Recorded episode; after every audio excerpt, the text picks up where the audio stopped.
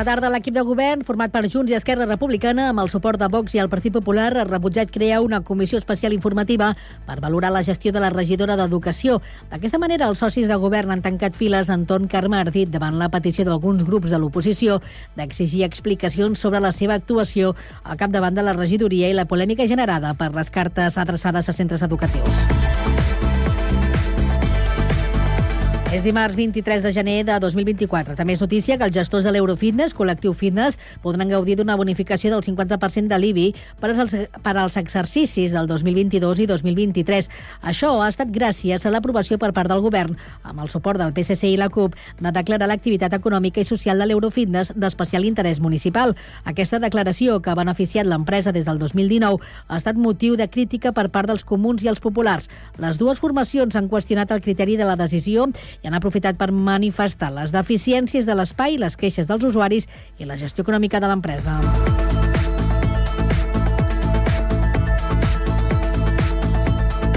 Inicia una campanya per sensibilitzar els propietaris d'animals de companyia de la importància de netejar els ex, les excrecions de la, seva, de la via pública, imposar sancions davant les actituds incíviques i revisar l'ordenança. Són els acords que ha aprovat el ple aquest dilluns a través d'una moció de Vox que, tot i no hauria de generar gaire debat, ha evidenciat el posicionament polític dels grups municipals respecte als proposants. Esquerra, el PSC, la CUP i en Comú Podem hi han votat en contra perquè han decidit no donar suport mai a cap proposta de l'extrema dreta, segons ha pogut saber Cugat Mèdia. En canvi, Junts i el Partit Popular s'han sumat a Vox i han permès l'aprovació de la moció. Sant Cugat vol ser un punt de referència del Camí de Santiago. El ple ha donat llum verda per unanimitat a una moció del PP amb esmenes del govern per treballar per la conservació i millora dels senyals d'aquest itinerari, tot i assegurar la visibilitat i la conservació. L'Ajuntament promocionarà la ciutat com a lloc estratègic del camí, en campanyes de promoció del turisme i de la visita dels peregrins. I la família Llorente podrà estar al capdavant del quiosc de la Rambla del Celler fins al 6 de novembre de 2032. El ple de gener ha donat llum verda per unanimitat al traspàs de la concessió a Narallan Llorente, fill del fins ara responsable de l'establiment. Aquest tràmit arriba després que en la sessió plenària d'octubre de l'any passat s'aprovés la pròrroga de la concessió a la família.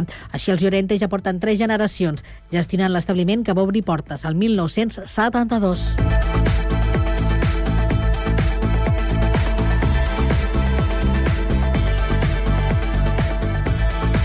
Cugat Mèdia, la informació de referència a Sant Cugat.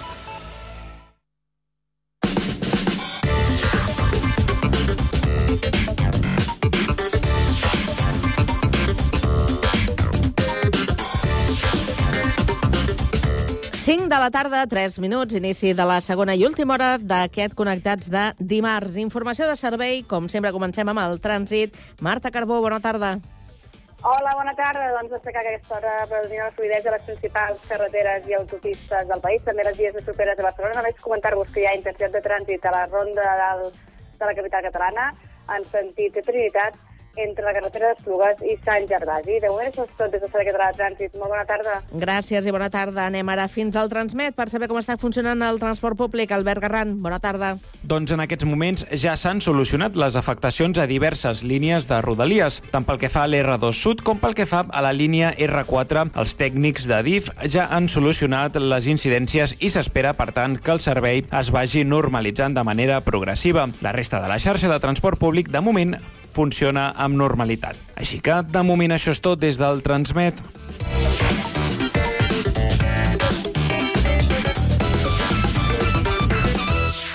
A la tarda, no et desconnectis.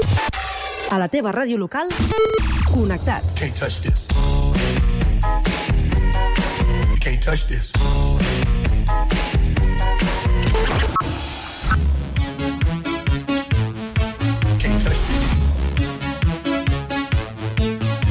This. Connectats amb Carme Rebell.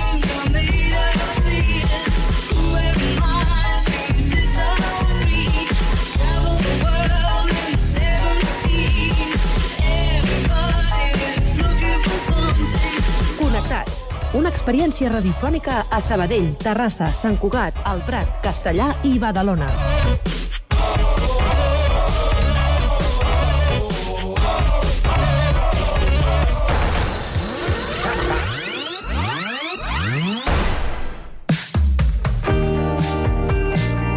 Locals.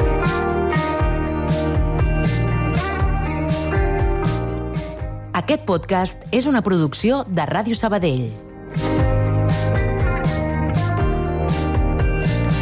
L'Àngels Molina és una periodista i guionista de Contrastos. Partidària de badar i viatjar, ha dirigit tres edicions la Marató de TV3, potser el contingut audiovisual més exigent i milimètric.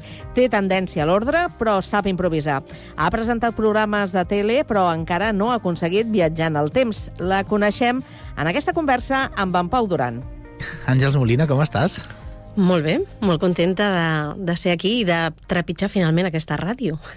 Doncs mira, la teva, com no Sí. podia ser d'una altra manera. Sí, sí. Escolta, va, disparo. Com vas més cansada? Dirigint la Marató de TV3 o sent mare? Uau. uh, és, una, és una pregunta interessant perquè són dos cansaments molt diferents, uh, però jo et diria que m'ha sorprès la, la maternitat i els reptes que, que implica i, per tant, em quedaré amb, amb la maternitat. Era una cosa que, bueno, vas pensant que ja arribarà i tal, i un dia dius, no, no, eh, ara d'aquí no ha de passar, et costava ubicar-ho al mig de la teva carrera professional? Com vas dir, com vas apostar per un cansament en lloc de l'altre? Ara em parles de la maternitat, oi? Evidentment. no, faig broma. No, és, és una cosa que sempre, que sempre havia volgut fer i també és veritat que, com bé dius, que la inèrcia del dia a dia i la passió per la feina t'arrosseguen i, i ho vas deixant i ho vas deixant fins que, com també bé dius, arriba un moment que dius millor no ho deixem més. Escolta, parlem de l'altre cansament, va. Has dirigit la Marató de TV3.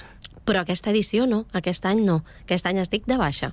Estàs de baixa, aprofitant, evidentment, el, aquesta maternitat, que això sí. Això sí, o sigui, la marató l'has dirigit tres vegades. La maternitat, aquesta en concret només passa una vegada, Exacte. però l'experiència aquesta de dirigir la, la marató, què tal? Doncs, a veure, mm, una experiència total, immersiva, mm, diguéssim, i una feina molt, molt, molt especial. Jo he tingut la sort de formar part del projecte en moltes ocasions. De fet, és per mi el, el projecte insígnia no? de la corporació del 3CAT, ara. I des que vaig arribar allà molt joveneta com a estudiant en pràctiques, vaig voler formar-ne part al principi com a voluntària, que és una cosa també molt divertida i meravellosa. Després, amb els anys, hi vaig treballar eh, fent diferents feines eh, i he treballat de, de redactora, de guionista, eh, de sotsdirectora de continguts i després, amb els anys, eh, doncs, el 2020, 21 i 22, doncs vaig tenir la sort que em van proposar dirigir-la i vaig dir que sí. I ha estat doncs, eh, una experiència sensacional. Queda lluny, eh? perquè ja et dic que la última que jo vaig dirigir ja fa més d'un any, per tant, ara mateix eh, eh, em sona molt lluny perquè la maternitat és el que dius, eh, et trenca la vida en un abans i un, i un després. Ostres, però no una, sinó tres. I a més, m'imagino que això t'hi deus dedicar pràcticament tota la temporada, no? S'acaba una que es, que es posen amb la següent ja. Bé, doncs ja que m'ho preguntes, no una sinó tres, però tres de- d'especials. De, Totes ho són, però la primera que vaig dirigir el, en, aquesta, en aquesta època, diguéssim, en aquesta tongada, la del 2020, va ser la dedicada a la Covid. Uau. Per tant, va ser una marató molt, molt, molt difícil, perquè va ser un període vital molt difícil per, per tothom.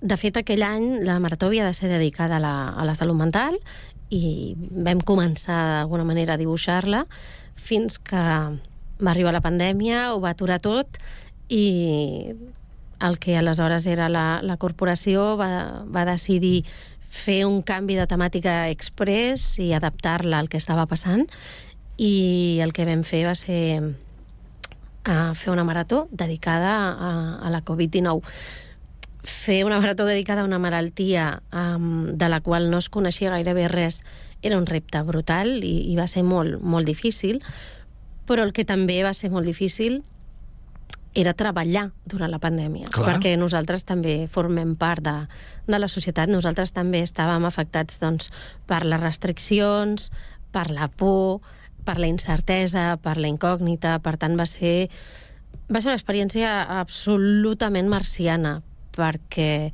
la Marató és, per sobre de totes les coses, un projecte social que involucra tota la ciutadania i un projecte d'equip, un treball d'equip. La tele és treball d'equip. I aquell any era molt difícil treballar en equip, eh, si més no de la manera que estem acostumats a fer-ho, que és presencialment, compartint espai, veiem-nos les cares, i també era molt difícil comptar amb que la ciutadania s'organitzés i, i, i fes coses de manera conjunta. Va ser tot molt, molt extrem i, sobretot, no tinc res amb què comparar-ho. Suposo que tothom que va viure i va fer coses durant la pandèmia va fer coses que eren absolutament desconegudes, doncs eh, a nosaltres ens va passar això. Però, vaja, dintre del repte titànic que va suposar, doncs eh, vam tenir la sort de comptar amb un equip meravellós i, i va sortir tot bé. I, per tant, la primera marató així dirigida de principi a final va ser la dedicada a la Covid. Va ser una estrena a, a lo grande. Les altres de baixada ja, no?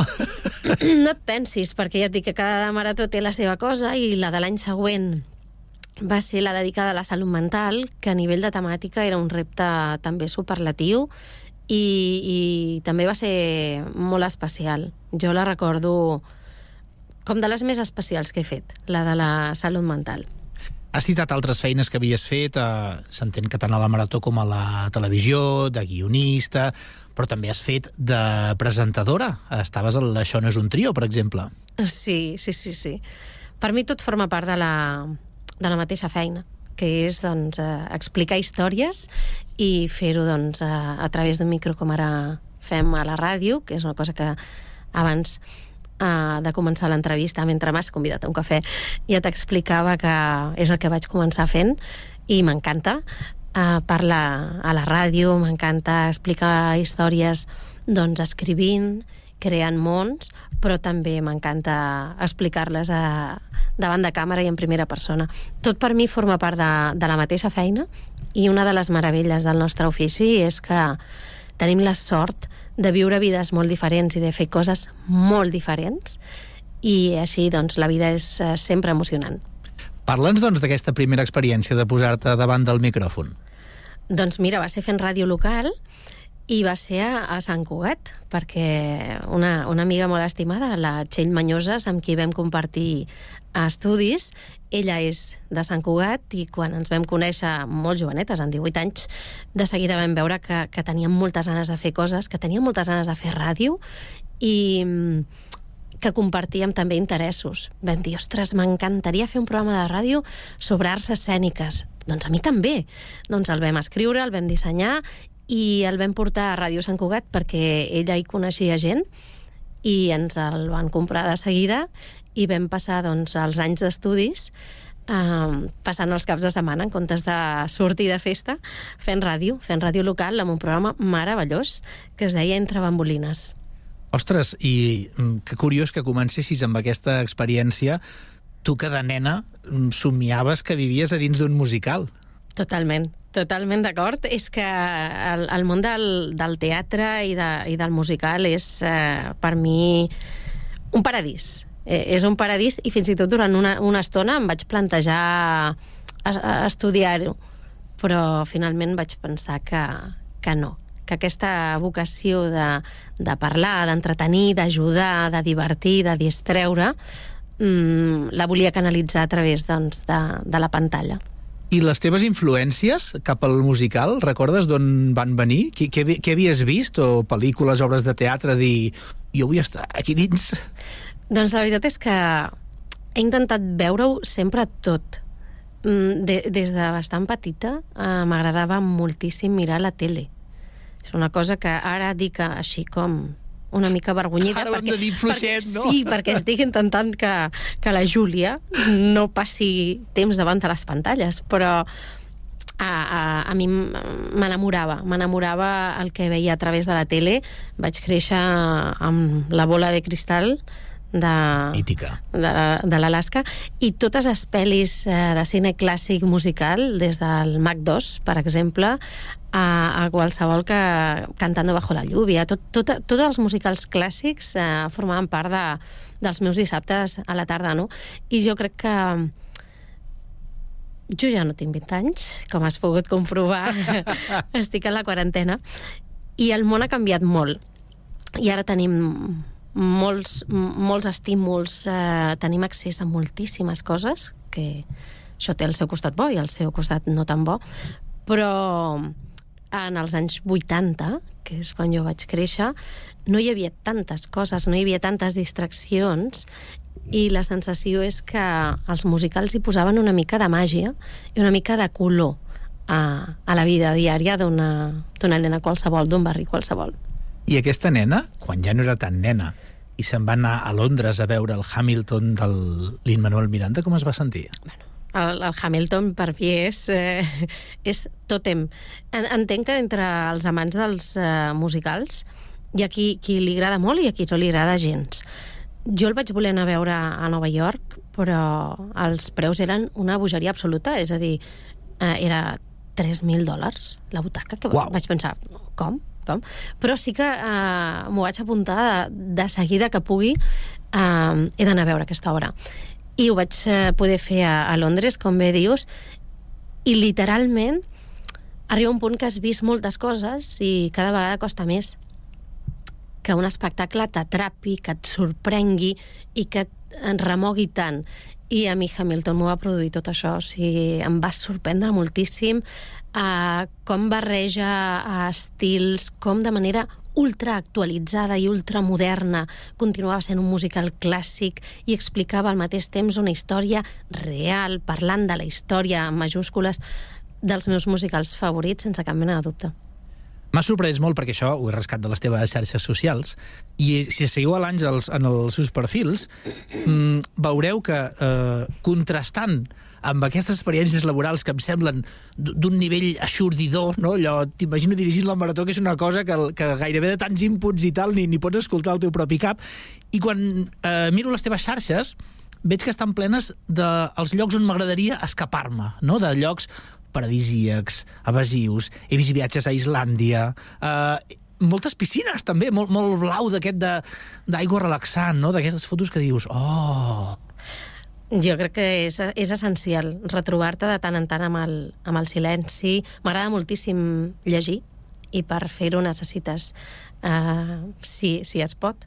He, he, Si he acabat pot. aprenent a fer-ho a qualsevol moment però i a qualsevol lloc, però si es pot necessites una mica de calma i també crec que està bé i t'explico això perquè crec que n'he d'aprendre jo mateixa, crec que està bé retrobar-te en moments per no pensar i per no fer res.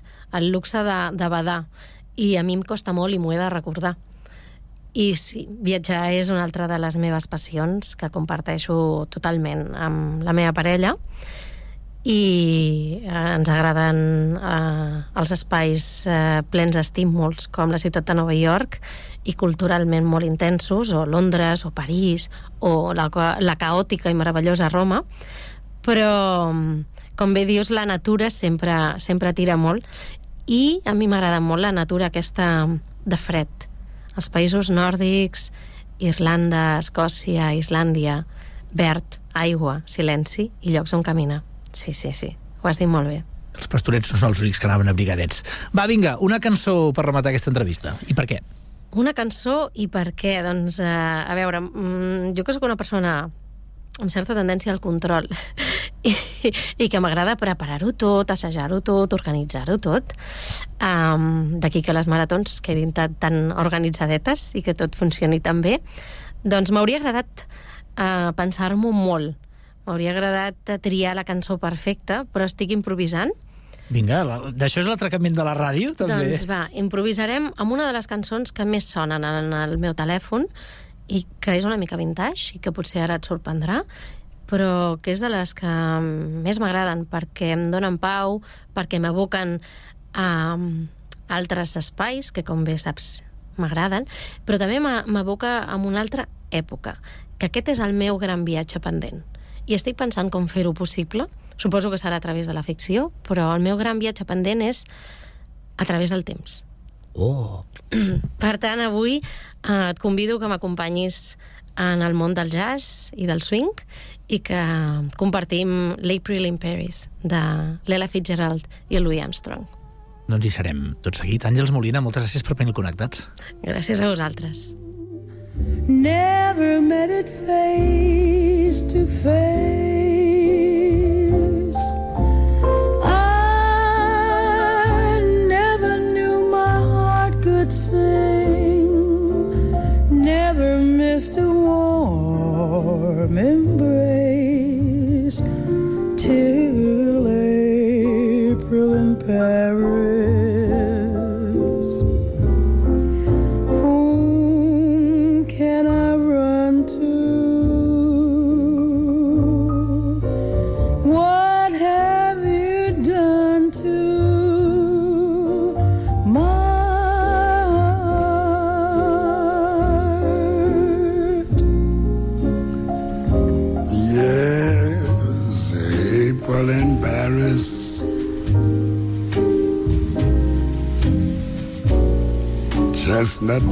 blossom.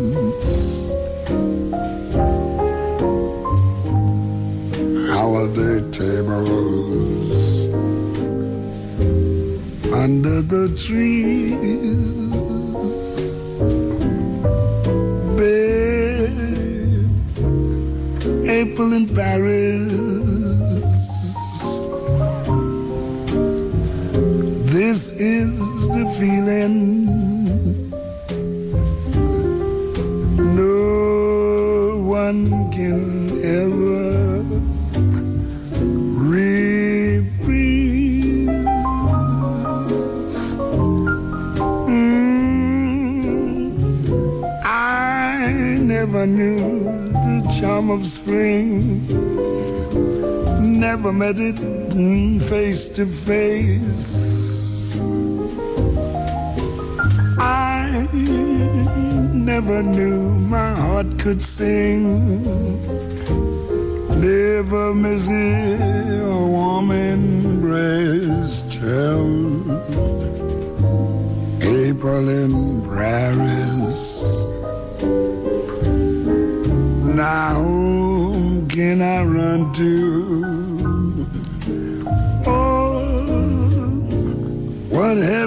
Done to my heart?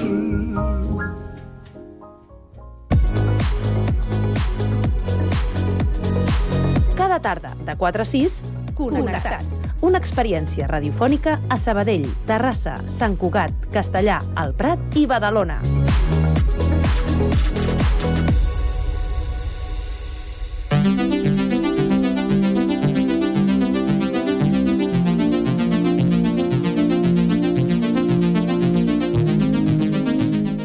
Passat el Nadal tornen les dietes per regular els excessos de les festes. Per això avui a la secció de salut eh, parlem sobre la dieta FAFO, que ha triomfat a internet després que es presentés com la millor forma de primar sense efecte rebot al Congrés Anual de la Societat Espanyola d'Obesitat. En parlem amb la doctora Sònia Ruiz, dietista i nutricionista del Centre Mèdic Tecnon i Tres Torres. Molt bona tarda, Sònia. Bona tarda. Saludem també la nostra companya Andrea Romera, que es troba als estudis de Ràdio Ciutat de Badalona. Andrea, bona tarda. Bona tarda, Carme. Bé, doncs eh, parlem d'un tema que les vacances han acabat fa quatre dies, eh? però sembla que hagi passat una, una eternitat i segur que encara no ens hem pogut treure els quilos de, de sobre. Sònia, quina és la mitjana de pes que, que guanyem per Nadal? Doncs mira, Carme, s'estima que hi ha un augment aproximat d'entre 2 a 4 quilos oh. en aquestes dates nadalenques. O sigui que la gent que puja de, més, de, de pes oscil·la sobre, aquesta, sobre aquest nivell ponderal. O sigui que hem de ficar fil a l'agulla el més ràpid possible per tornar a, a rebaixar aquest pes, no? Perquè sí, sí. a vegades quan canviem molt la dieta, no? ja sigui per events eh, socials, Nadals, etc, després tornar a la rutina saludable, per així dir, hi ha molta gent que, que li costa. Aleshores, hem de, hem de treballar-ho. Ja, ja, ja, ja. Això gratis, no, gratis vull dir, no, no estic parlant de eh, monetàriament, sinó que sense un esforç tampoc no es pot aconseguir. Eh, parlem Sí. de la dieta FAFO, que no sé si, si és un concepte nou. Explica'ns eh, en què consisteix. Uh Doncs mira, la, la dieta FAFO, que últimament, com deies, no està tant a xarxes socials, etc etc, és un acrònim de l'anglès que vol dir Flexible and Friendly for the Overweight, que això vol dir, eh, resumidament, eh, portar un estil de vida flexible i amigable sempre portat per professionals eh, per a aquelles persones que necessiten perdre pes. És una dieta, podríem dir, eh, que pretén allunyar les típiques dietes restrictives que a vegades s'utilitzen, hi ha gent que utilitza eh, de cara a gener, no?, per treure's Mm. d'aquests quilos que, que comentàvem, i eh, substituir-les per un tipus de dieta que s'enfoca en l'adaptabilitat de la persona, la individualització i el respecte per al cos. Que també haig de dir que mm, ens encanta sempre eh, posar nom a tot. En aquest cas, FAFO, però en realitat no és més que res que seguir una alimentació correcta, adaptada per cada persona. Però bueno, que podríem, podríem dir també això. Ja, ja, ja, ja. I l'objectiu principal d'aquesta dieta, a, a banda de Mhm. l'objectiu principal de totes les dietes, que és perdre pes, quin és? Què, què, què té de diferent? Mm. La idea, com bé deies, a part del, de perdre el pes eh, que hauríem de baixar, fomentar uns bons hàbits a llarg plaç. Val? Això és, és, és de les premisses més importants que vol transmetre aquest tipus de pauta i també doncs, millorar eh, la relació amb el menjar. Val? És a dir, és una alternativa entrar en dietes miracle a inici d'any, com dèiem, mm. i intentar, més que una dieta, fer un canvi d'hàbits perllongat en el temps. El problema, sobretot, de les dietes miracle, dietes d'aquestes que et, et prometen de tot i més, és que no són, és impossible portar-les a llarg plaç. Això també eh, fa que facis una dieta molt restrictiva, després eh, l'ansietat o el retornar al que menjaves prèviament et fa pujar de pes i és com un cercle viciós, molt frustrant també, sí. I que no fas cap tipus de, de, de, de sostén en el temps amb un hàbit correcte. Amb la qual aquest tipus de pauta tenim això, a no fer una dieta com a tal, sinó a canviar l'hàbit, a intentar menjar saludable, a no, que no hi hagin unes restriccions eh, imperials, sinó anar trampejant, però fer-ho d'una forma saludable i sempre, sempre amb l'ajuda d'un professional. Clar. Amb aquest tipus de dieta, Sònia, quan Mhm. pot arribar a primar una persona, aproximadament? Doncs els estudis estimen que mig quilo a un per setmana, que de fet insisteixo, eh, eh que sempre posem nom a, a, a les coses en general, però amb una dieta correcta i amb un estil de vida correcte, si tenim un excés de pes, també és aquesta la mitjana de pes que se sol perdre. És a dir, per exemple, en els meus pacients que fiquem fil a l'agulla també per perdre aquest pes en excés que tenim, la mitjana de les meves pautes ronden el mateix, de mig quilo a un per setmana. Amb la qual ja dic, és, és una forma de dir canvi d'hàbit. Uh -huh. Aleshores, és veritat això que diuen des del Congrés Anual de la Societat Espanyola d'Obesitat que no hi ha efecte rebot en aquesta dieta? Ho podríem dir així, per què? Doncs perquè com és un canvi d'hàbit, no hi ha canvis dràstics dintre de la teva alimentació. Per tant, si tu vas eh, fent uns canvis no? que els vas eh, perllongant en el temps, que els vas agafant com rutinaris, com no hi ha canvis dràstics ni estrambòtics, doncs vas mantenint aquell pes. Al final, personalment eh, i professionalment penso que és la garantia de l'èxit. Al final, no fer canvis dràstics, eh, dietes eh, mediàtiques, dietes que ja ens xirrien, per així dir, d'entrada, no? i sempre això, contrarrestades amb un professional, veure, seria apte per mi, no seria apte per mi, perquè a part també la mateixa associació que comenteu, eh, esmenta que és molt recomanable per la majoria de població, però no per tots. Per això dic que s'ha de valorar amb un professional. Vaig a donar 5 cèntims de, de les persones que no l'haurien d'utilitzar. En aquest cas, diabètics tipus 1, val? Uh, persones que, bueno, dones embarassades que siguin insulinodependents i també certs quadres, no? com insuficiència renal o cardíaca. Per això també és important, encara que sigui un canvi d'hàbit super favorable, però sempre comentar-ho i assegurar-nos que serà bo per, per la nostra salut i per al nostre cos. Estàs repetint molt això de que és un canvi d'hàbits, mm -hmm. per Mhm. tant, no és tampoc una dieta massa innovadora, per molt que ara li hagin posat aquest nom. Exactament. Aquest és el meu punt de vista, perquè realment és això, posem títol, posem nom, però al final és intentar menjar saludable, intentar menjar correcte, intentar, bueno, eh, alimentar-nos d'allò que el nostre cos necessita, aliments saludables, aliments de proximitat, i sobretot aquesta mm, dieta val, eh, eh, es basa molt amb la nostra dieta mediterrània, amb la qual també aquest aval no, de, de dieta mediterrània és fantàstica, és super saludable i, i tindrà aliments també, també doncs, amb un rigor científic darrere de que són molt bons per la nostra salut. Es parla molt de que la dieta FAFO és una dieta inclusiva i accessible. Mm -hmm. Ens podries explicar què significa això? I tant, aviam, un enfoc inclusiu vindria a ser que qualsevol persona pot fer-la val? sempre i quan doncs, no, estigui... Exceptuant les persones que has comentat. Exacte, el que comentàvem. Per què inclusiu? Doncs perquè és personalitzada, flexible i, i, i totes les persones es podrien fer perquè tindríem en compte la seva cultura, les seves costums, etc. I accessible perquè es té en compte també les característiques individuals. Eh, per tant, és que tothom la pot fer perquè està adaptada a la persona que tenim davant. És a dir, no hi ha limitacions perquè s'adapta a tothom. En el concepte accessible entraria també l'àmbit econòmic? És a dir, és una dieta cara o és accessible per totes les butxaques? Això és una pregunta superinteressant perquè o sigui, també depèn del, de, de l'economia no? de la persona que tin, tenim al davant la podem també adaptar però eh, també com comentava abans no? eh, en què està basada a quin aval té la dieta mediterrània i què passa també que actualment ens estem allunyant molt d'ella per la gran presència, accessibilitat de menjars processats que tenim al supermercat i també per una cosa que ens està influenciant molt i segur que n'heu parlat molt a les notícies, que és la pujada de preu dels aliments estrella que tenim a la dieta mediterrània, com l'oli d'oliva, per exemple, el peix, les verdures. Aleshores, també, i tant, s'ha de tenir en compte el, el, el cost econòmic de la persona i, i que dintre de les seves possibilitats la pugui fer també, no? amb la qual s'haurà d'ajustar eh, els aliments primaris també al, al, al cost eh, o, o a l'economia que tingui la, la persona que tenim al davant. I pel que fa a la beguda, quines restriccions hi ha? Mm -hmm. Bueno, més que restriccions, quines són no, potser les que més recomanen no, a, aquesta associació eh, sobretot l'aigua, val? és la, la beguda per excel·lència, i també eh, parlen o enfoquen el tema de cafè i d'infusions. És a dir, aquestes tres begudes, aquestes tres, aquests tres líquids, per així dir, vindrien a ser la base d'aquesta dieta.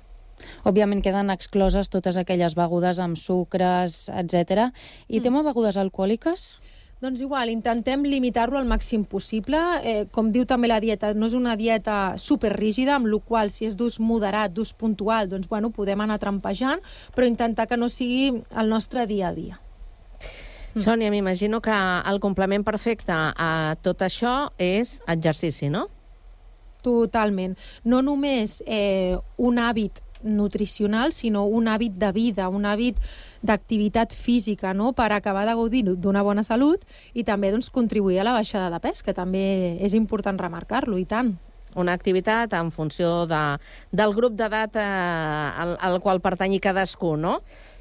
Exactament, s'ha de personalitzar també doncs, les capacitats físiques que tingui la persona, l'edat, les malalties, s'adapta tot i a partir també de la despesa calòrica que tingui també es pot adaptar la, la dieta.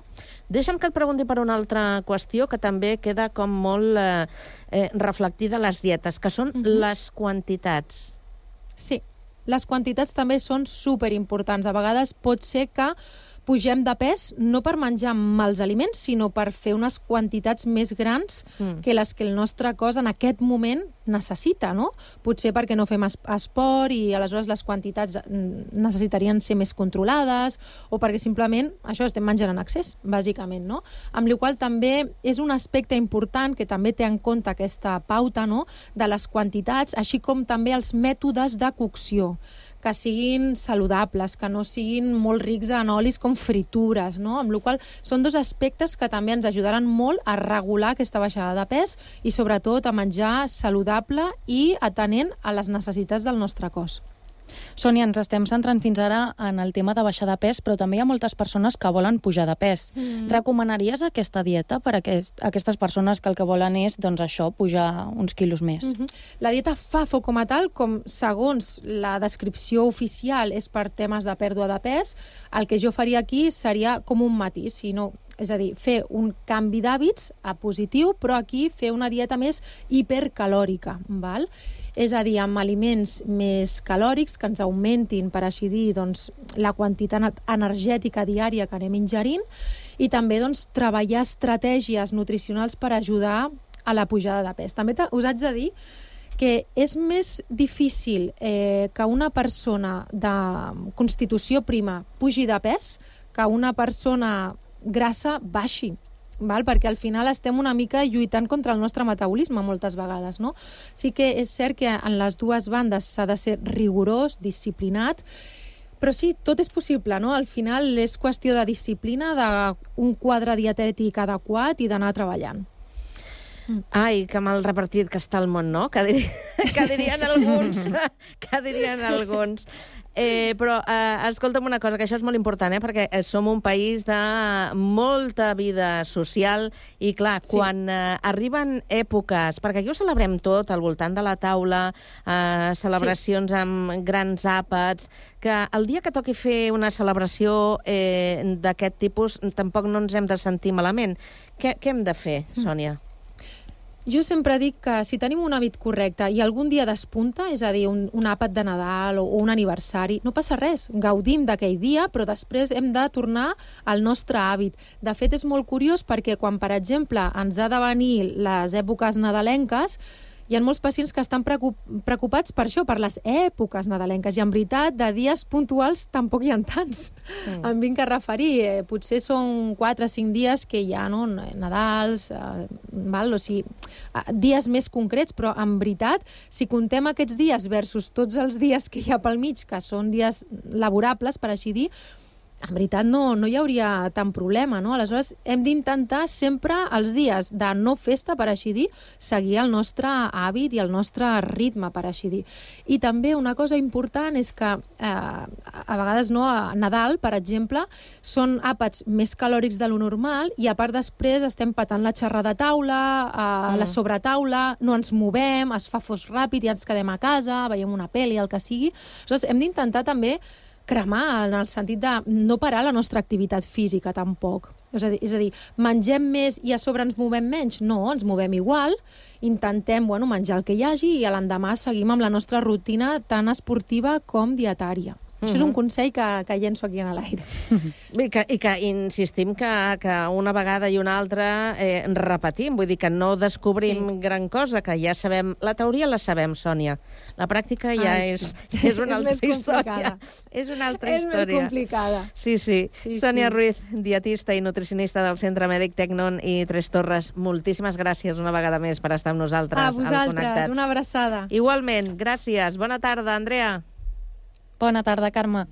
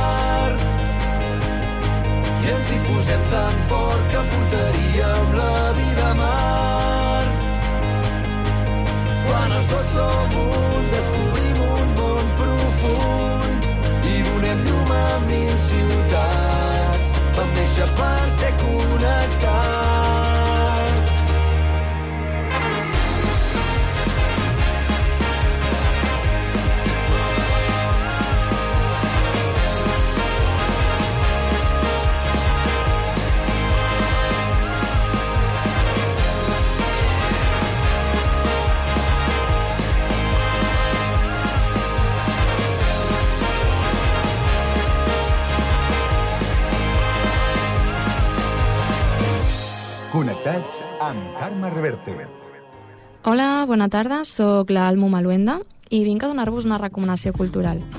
Es tracta d'un duet de dues barcelonines, composat per Carmen Cortés i Mariela Blanco, que es caracteritza sobretot per la fusió de veus solistes i la barreja dels ritmes flamencs amb el pes i la influència de la música urbana, on el mestissatge i la comunitat són el motor principal de la seva interpretació. Podeu veure-les el pròxim 2 de febrer a la Sala Polo de Barcelona, a les 8 i mitja del vespre.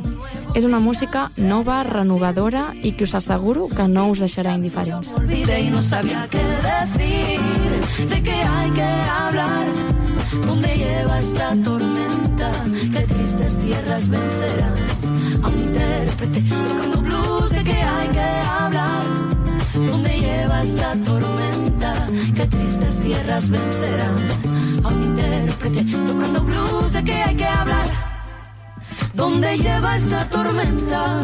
Qué tristes tierras vencerán a un intérprete tocando blues. ¿De qué hay que hablar? ¿Dónde lleva esta tormenta? Qué tristes tierras vencerán a un intérprete tocando blues.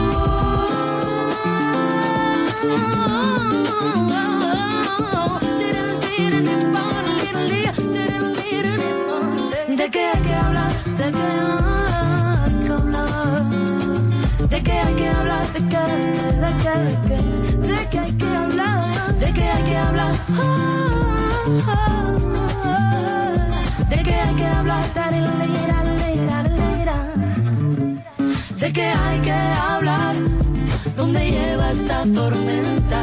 Qué tristes tierras vencerán a un intérprete tocando blues. ¿De qué hay que hablar? ¿Dónde lleva esta tormenta? Qué tristes tierras vencerán intérprete tocando blues. A la tarda, no et desconnectis. A la teva ràdio local, connectats. Can't touch this. You can't touch this.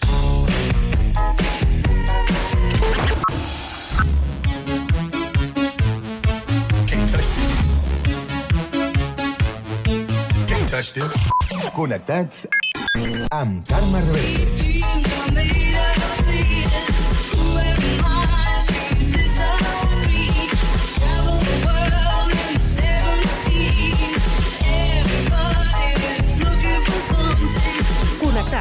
Una experiència radiofònica a Sabadell, Terrassa, Sant Cugat, El Prat, Castellà i Badalona.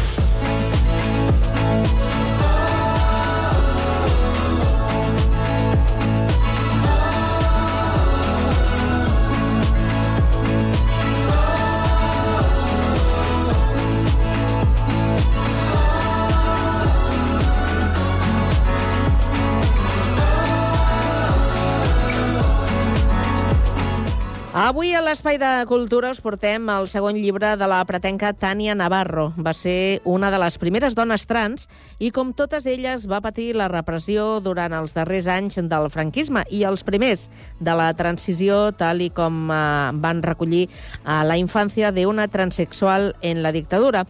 Ara se centra en la figura de la seva mare, que, com ella mateixa reivindica, sempre li va donar suport. Marxem cap als estudis del Prat Ràdio, on tenim ja amb ella el Luis Rodríguez Alonso. Bona tarda.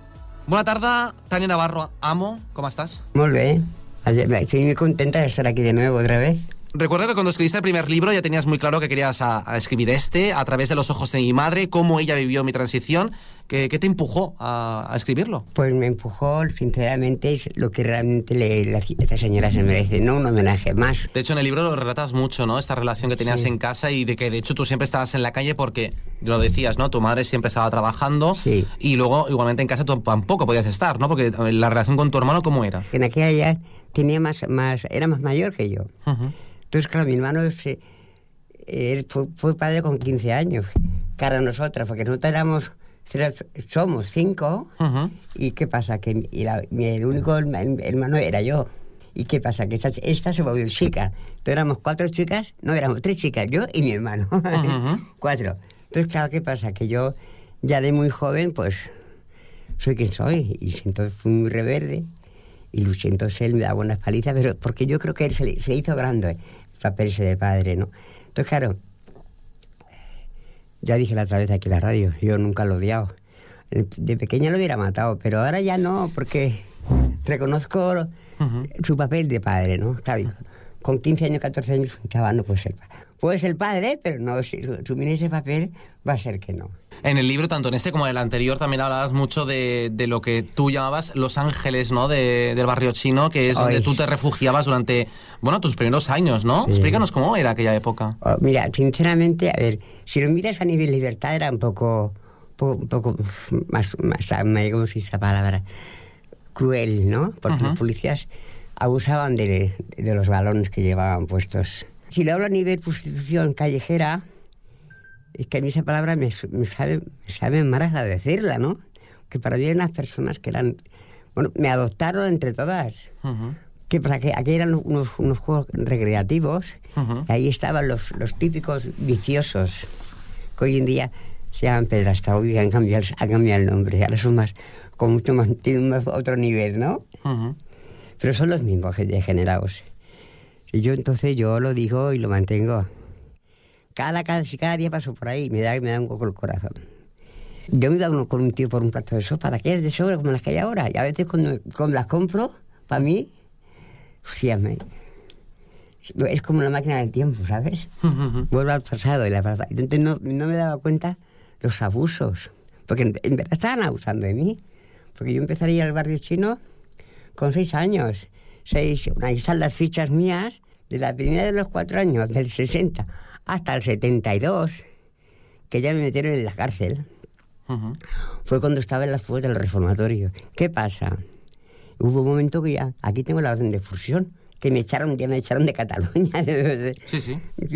Esto suena, suena aberración, a incomprensible, hay que no tiene ni pies ni cabeza. Como lo dijo lo que dijo mi madre, que moría. Dice, Pero ¿cómo van a echar a mi hija de, de- de su casa? ¿Dónde va a ir con la que tiene? Pues me echaron durante un año. De hecho, toda tu historia, eh, tanto en este libro como también en el anterior, pero aquí sí que profundizas un poco más, eh, es de una, podemos decirlo así, una huida constante, ¿no? Sí. Porque eh, te pusieron pues el- en el reformatorio, te escapaste no sé cuántas veces, la Once verdad. veces. 11 veces. Eh, luego también incluso también en el psiquiátrico de San Boy, Sí, que también te eso, oye, eso no aparece. Ujú. Pues aparte de, de esto, ¿eh? de las detenciones también, tú también siempre denuncias eso, ¿no? Todas las vejaciones, los abusos que también sufriste pues en los diversos eh, centros por los que pasaste. De hecho, hay una, hay una de las frases, ¿no? De este uh, segundo libro que has sacado que, que, que lo resume muy bien, ¿no? Dice, yo no sé, yo no entendía nada lo que estaba pasando, creía que estaba viviendo una pesadilla, pero era normal, si no había hecho nada. Todo por sentirme chica. Es que va- este- aparte este libro no va tanto como el primero. Este es un homenaje a mi madre. Este libro tiene mucho amor y mucho cariño. Y, la gente me dice, Tania, eres increíble, ¿no? Es como un homenaje a ella. Lo he escrito yo, pero ella me lo estuviera explicando. Porque vamos, yo he visto, he, he vivido. Como por ejemplo, como venir de, desde Coblán a Sanz andando cargada de, de paquete. Entonces, ¿qué pasa? Todo va de ella. Es, una, es un agradecimiento y reconocimiento por esa persona que ha sido tan sumamente buena, con tanto corazón. Ya no digo porque sea mi madre, porque es con Ujú. todo el mundo. pues sí. Aquí en el Prat, cuando mi hermana inauguró la, la inauguramos el mercado de Remolar, Sí. mi madre tenía una frutería. Y mi madre cada semana, mi madre venía aquí, cargada de fruta, y yo le pagaba los taxis. Y todos los taxis me decían, ¿qué madre tienes? ¿Qué madre tienes? A todos los taxistas les regalaba, les regalaba, fruta, ¿no? Es que se- Oye, oye, ya no pues más a la mamá, porque la mamá todo lo regala. Era ese tipo de señora, ¿no? Porque había pasado mucha hambre y tiene un corazón. Yo la tengo una admiración, la, quer- la quería tanto que todos me decían que yo era fardera. No es que yo fuera fardera, es que yo adoraba a mi madre por esa, por esa lucha. Una mujer que no sabía más que trabajar y trabajar para mantener a cinco hijos, que cada uno éramos un pellejo. Pero a mi hermana, y todos le hemos dado muchos disgustos a esa mujer. Por eso, por eso se acostó y no se levantó. ¿Qué menos? que morirse así. Entonces, ¿qué pasa? Que yo ese libro ya lo quería hacer, ¿no? Se merece, es que es volver, es, no es, es, sí, es volver a revivir en el buen sentido, el amor tan grande que, que me adoraba. Yo estaba en la cárcel y madre, mi madre decía, oye, joder, mamá, hay que ver, ¿eh? Nosotros sin comer y todo para la Tania. claro, es que era... Madre siempre, yo sabía que yo era de muy mal comer, como trabajaba en, en el cabaret, nunca, nunca comía en casa, me acostaba a las 5 de la mañana todos los días. Porque tal, mientras que salía, tomabas una copa con, los, con las compañeras y tal, pues nada, yo me levantaba a la una. Que entonces estaba los sitios buenos, el paralelo era increíble. Y ya, mira que ya estaba dando los últimos coletazos. Nada que ver con Madrid. Conozco Madrid con palma de mi mano, esa gran vía. Que, pero la- el amor que tiene el paralelo no lo tiene ni, París. Todo lo que es el Boulevard de Clichy, Sí. todo eso, que lo conozco bien, perfectamente. Pigal, aquello, sí, claro, el, el- tiene un amor impresionante, eso nunca lo jamás lo voy a dejar de reconocer. Pero que lo que tiene el paralelo, paralelo, yo he viajado por, por Europa y, y aparte del mundo. Yo digo que en el- a ese nivel, a nivel de, teatro, hoy en día, mira, que queda uno o dos. Yo, traba- yo trabajé en el molino, ¿no? Joven. Entonces, a ese nivel, volviendo al, al libro de mi madre, Sí. me este me costó más que el primero. Sentimentalmente hablo, ¿eh? Sí. Porque es que estaba reviviendo cosas muy bonitas, pero cosas también muy crudas. Entonces, claro, Es que es muy duro, ¿eh? También este segundo libro, quiero decir, porque hay momentos esos, ¿no? De, de, de huida, de todo lo que va sufriendo tu madre, ¿no? Porque al final tú tienes en ella como un apoyo, ¿no? Que es la, pues prácticamente la única persona que te apoya, al menos a nivel familiar. Es ¿no? la De- única. Y desde el principio y con toda esa intuición que ella tenía, am, pues eso, que es un relato bastante duro también en ese sentido, porque también ahí recoges y profundizas incluso más que diría que en el primero, en cuando, por ejemplo, pues eso, cuando te vas a Madrid, cuando te vas a Zaragoza, cuando huyes de aquí, cuando huyes de allá, cuando huyes de la cárcel incluso. Sí, sí, no, sí, no, sí, pero parece es- está escrito de, de- otro nivel, no mío, sino lo que ella sufría, porque realmente yo jamás podré agradecer- agradecerle a esa señora lo que llegó a hacer por mí. Claro, y no se entendía, que hablamos del 1966, 60, hasta el, 70, y- hasta el Sí, sí, sí. 75. Una mujer que no tenía cultura nivel intelectual. Una mujer que estaba toda su puñetera la vida porque era la mayor. Que ella se ha, sufrido toda su vida, por desgracia. A base por los demás, no por sí misma, no porque haya, haya hecho nada, sino al revés. Pues tenía tanto corazón que no, no podía permitir que sus hijos, sus padres pasaran necesidades. No sé, yo eso creo que le, no lo sé, solo creo que le faltó ponerse en la esquina. me pare- no lo sé porque nunca lo sé, pero sé que es una mujer que lucha contra viento y marea. Y eso para mí es un orgullo como madre, es una fuerza que la tengo yo en el corazón, que eso nos ha pegado mu- muchísimo. Es un ejemplo maravilloso que tengo en mí de ella, que se paga mucho por ser así, por tener estos sentimientos. Eres, eres muy sensible, soy muy sensible y eso a veces tendré que contar, que contar hasta 10. Em, Tania, eh, presentas el libro este viernes en La Modelo, un sitio que tiene mucha historia también para ti, porque pasaste muchos años allí también.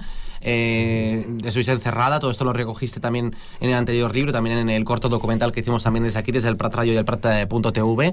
Eh, quería preguntarte un poco. eh, Venga, pregúntame todo esto, esta presentación del viernes además coincide con esta exposición fantástica que tiene eh, el artista eh, Rubén Antón, que se llama Cinc Cents anys de Transvastisme, que se podrá ver hasta el 21 de febrero. Bueno, explícanos porque tú también sales en esta exposición. Sí. Bueno, yo veo, la exposición mía, de, de- en verdad está con la del Rubén, porque está lo- la sala de enfrente. sí. Yo haré el evento, haré las firmas, haré la típica eh, pregunta, ¿no? La rueda, la Charla, rueda- sí. la rueda, de, la rueda de preguntas. Y yo de aquí digo que no cortaros, va, si me preguntas que más cruel no puede ser lo que he vivido ya. Entonces que me gusta que la gente se involucre, ¿sabes? Que se complice, mejor dicho. Que se involucre. Se involucre. se pongo nerviosa, ¿eh? No pasa nada.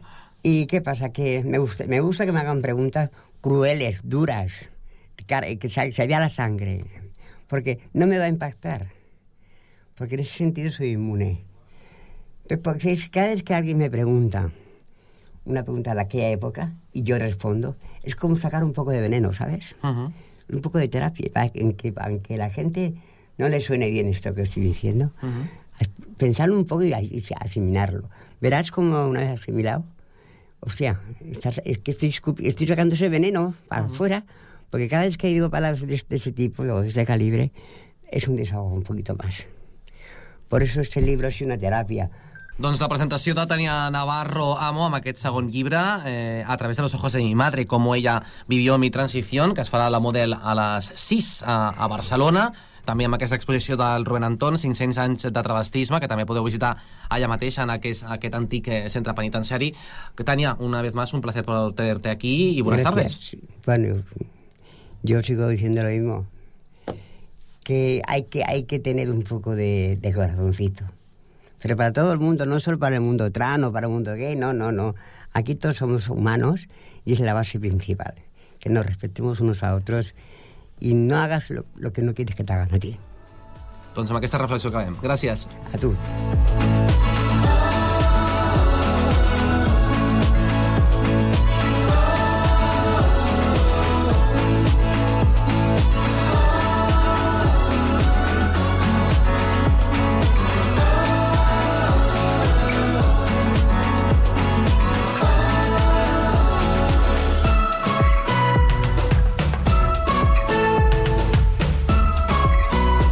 Doncs amb aquesta última reflexió de Tània Navarro des del Prat de Llobregat eh, ens quedem per posar punt final al programa d'avui. Gràcies per haver-nos eh, acompanyat. Ja sabeu que demà tornem a les 4 i 3 amb la versió del Connectats de dimecres. Fins aleshores, acabeu de passar molt bona tarda. Adéu-siau.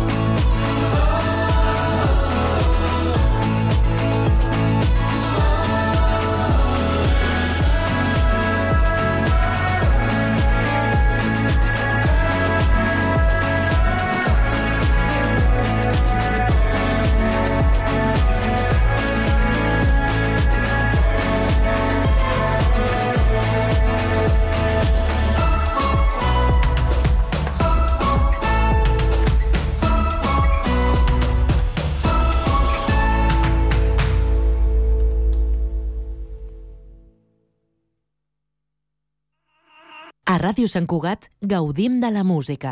Gaudeix-la amb nosaltres. I don't know where my baby is, but I'll find him somewhere, somehow. I've got to let him know how much I care.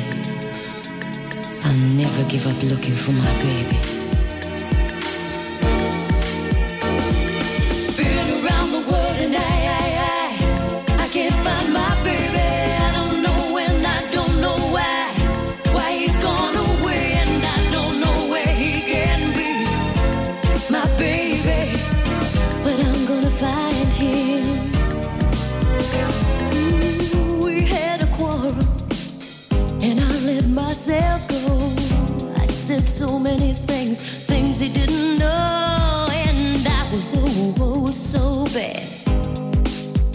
Think he's coming back. Mm-mm. He gave the the reasons he should go, and he said things he hadn't said before, and he was